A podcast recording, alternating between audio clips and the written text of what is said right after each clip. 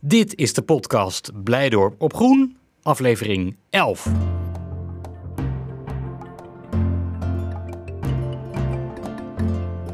Wat een cliffhanger de vorige keer. Ik zat bij Hans Kuiten achterop de spijkstaal.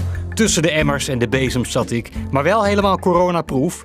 Ik stapte op bij de ringstaartmakies en we reden naar de Kudu-kraan. Het treintje in Blijdorp staat al een jaar stil door corona, maar doe je ogen dicht en rij een stukje mee. Toch even een denkbeeldig ritje door Diergaarde Blijdorp. Die spijkstaal is helemaal elektrisch, dus hij maakt weinig lawaai. Daar gaan we. Onder de tunnel door. Naar eh, het, nou ja, het oude gedeelte noem ik het nog steeds. Het oorspronkelijke deel.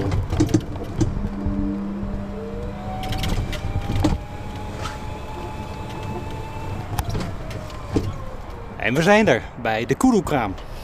Voor de luisteraars die even niet precies weten wat we bedoelen met de Kudu-kraam. Dat is dat horecapuntje naast de Kudu-stal. hè, Waar je, eh, nou, als de diergaarde open is, patat kan halen en ijs en eh, koffie en weet ik wat ze allemaal hebben. Maar daar kijken we even niet naar, want we draaien ons even om. Staan we met onze rug eigenlijk naar die Kudu-kraam. En daar staat een, een rij eh, beuken. En daar wil jij iets over vertellen, Hans. Ja, dat klopt. Ehm, je staat ook, kijk ook naar de, naar de gierenkooi. Die was er natuurlijk eh, Nee. oorspronkelijk nog niet. Eh, daar was dan de verzanterie en Ja. wat kangeroes liepen daar geloof ik. Ja, dat weet ik ook nog wel. Ja, en langs het spoor stond een hele rij met, eh, met grote dikke populieren. Die eigenlijk al het zonlicht weghaalden van de beuk. Want de beuk houdt niet zo van zonlicht op zijn stam. En ehm, ja, de- toen is de gierenkooi is toen gebouwd. En eh, toen kwamen we tot de ontdekking, ja, het is wel leuk en aardig dat je al die populieren hebt weghaalt.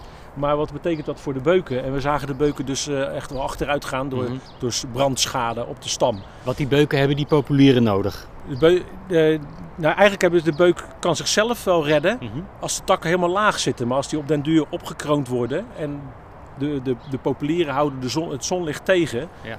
Ja, dan, dan geeft het niet. Maar als je de populieren dan weg gaat halen en je, de stammen zijn helemaal onbedekt, ja, dan, dan, gaat, eh, dan gaat de schade eh, komen. Ja. En dat gebeurde dus. Dus we zagen de beuk een beetje achteruit gaan. En waarvan er al een, denk een, een, een stuk of drie flinke exemplaren, oude exemplaren, eh, hebben moeten omzagen.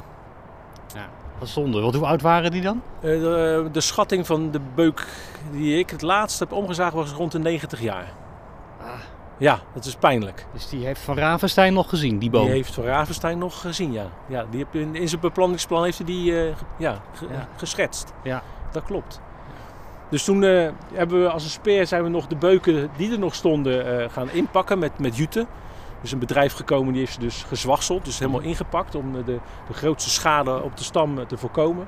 En dat is bij die beuken gelukkig gelukt om ze dus nog te behouden. Mhm. Maar bij een aantal beuken was het, was het te laat. Ja. Ja. En, en- maar wat hier staat is dus, eh, nou ja, dat, dat is dus, die zijn dus gered eigenlijk. Deze zijn zeggen. gered, ja, deze zijn gered. Ja. We, noemen het het nu ook het, eh, we, we noemen het ook het kleine beukenbosje. Dus Mhm. eh, en, eh, ja, we proberen deze wel te behouden. Ja.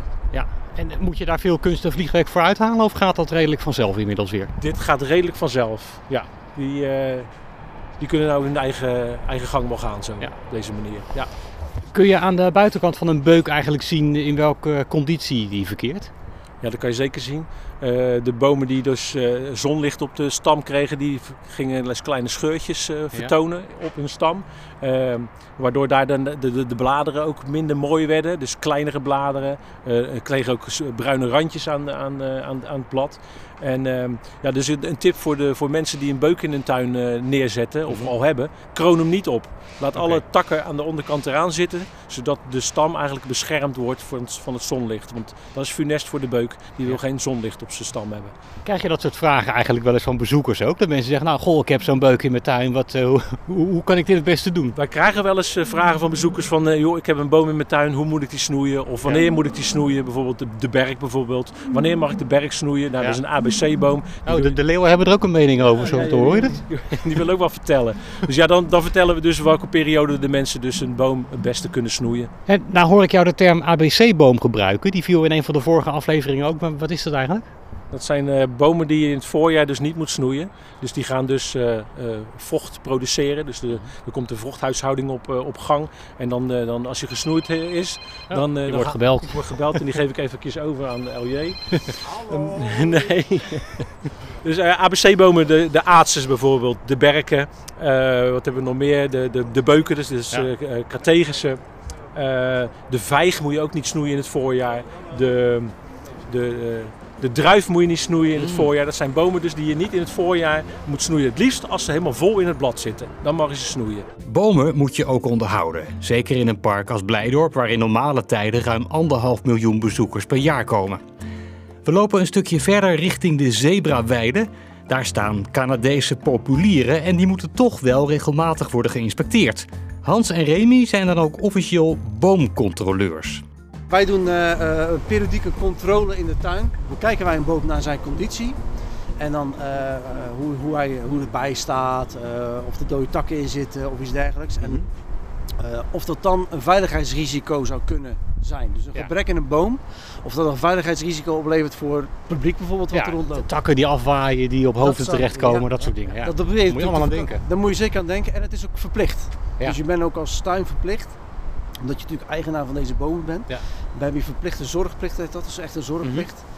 En eh, ja, dan moeten wij eh, bijhouden van, eh, nou, het is deze boom, hij staat daar, hoe ziet hij eruit, hoe oud is die? Ja, zit er een dode tak in ja of nee? En dan krijgt hij op een labeltje van, nou, bijvoorbeeld gezond is dat we over vier, vijf jaar weer eens een keertje komen kijken. Ja.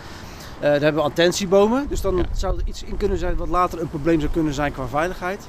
En je hebt dan een risicoboom en dan Mhm. zit er een gebrek in, zoals we dat noemen, dat Ja. dus echt een veiligheidsrisico oplevert. Dus dat er op korte termijn iets zou kunnen gebeuren waarbij, ja, dat, dat heel simpel bijvoorbeeld dat er zo'n tak afbreekt en Ja. dat er een bezoek onderdoor loopt en dan, nou ja, dat wil je dus niet. Nee.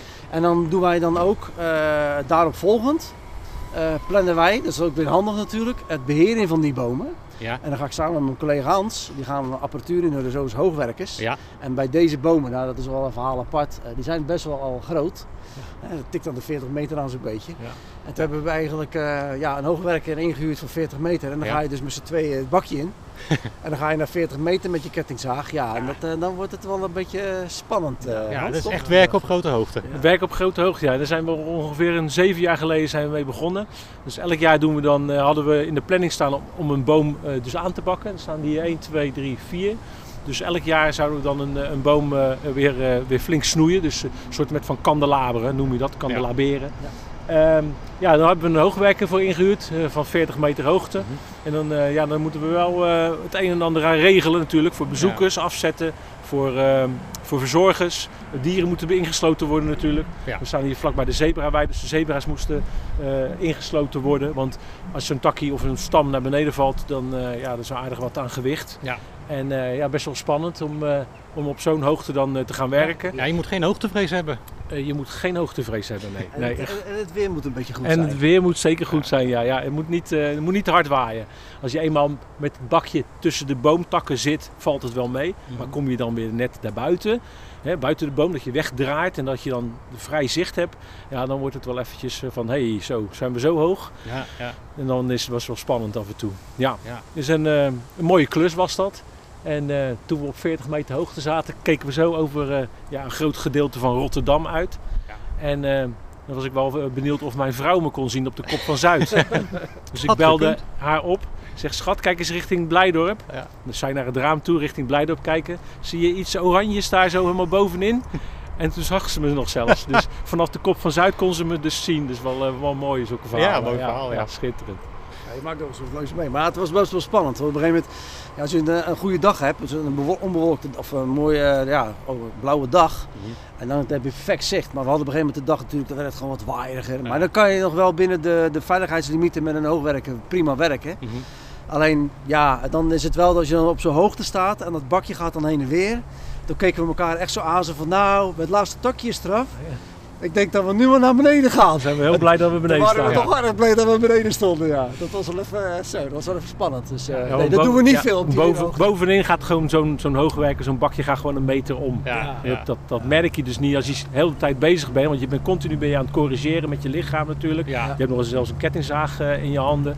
En ja, dan heb je niet het, het idee wat, wat zo'n bakje eh, op zo'n hoogte doet.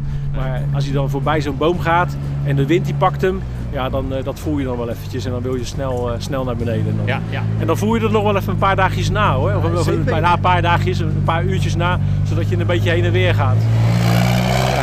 Ja, je moet wel uit het juiste hout zijn gesneden om de bomen hier gezond te houden. Er zijn trouwens in Blijdorp ook dode bomen te vinden. En die zijn op hun manier ook weer heel boeiend. Maar dat ga je horen in de volgende aflevering.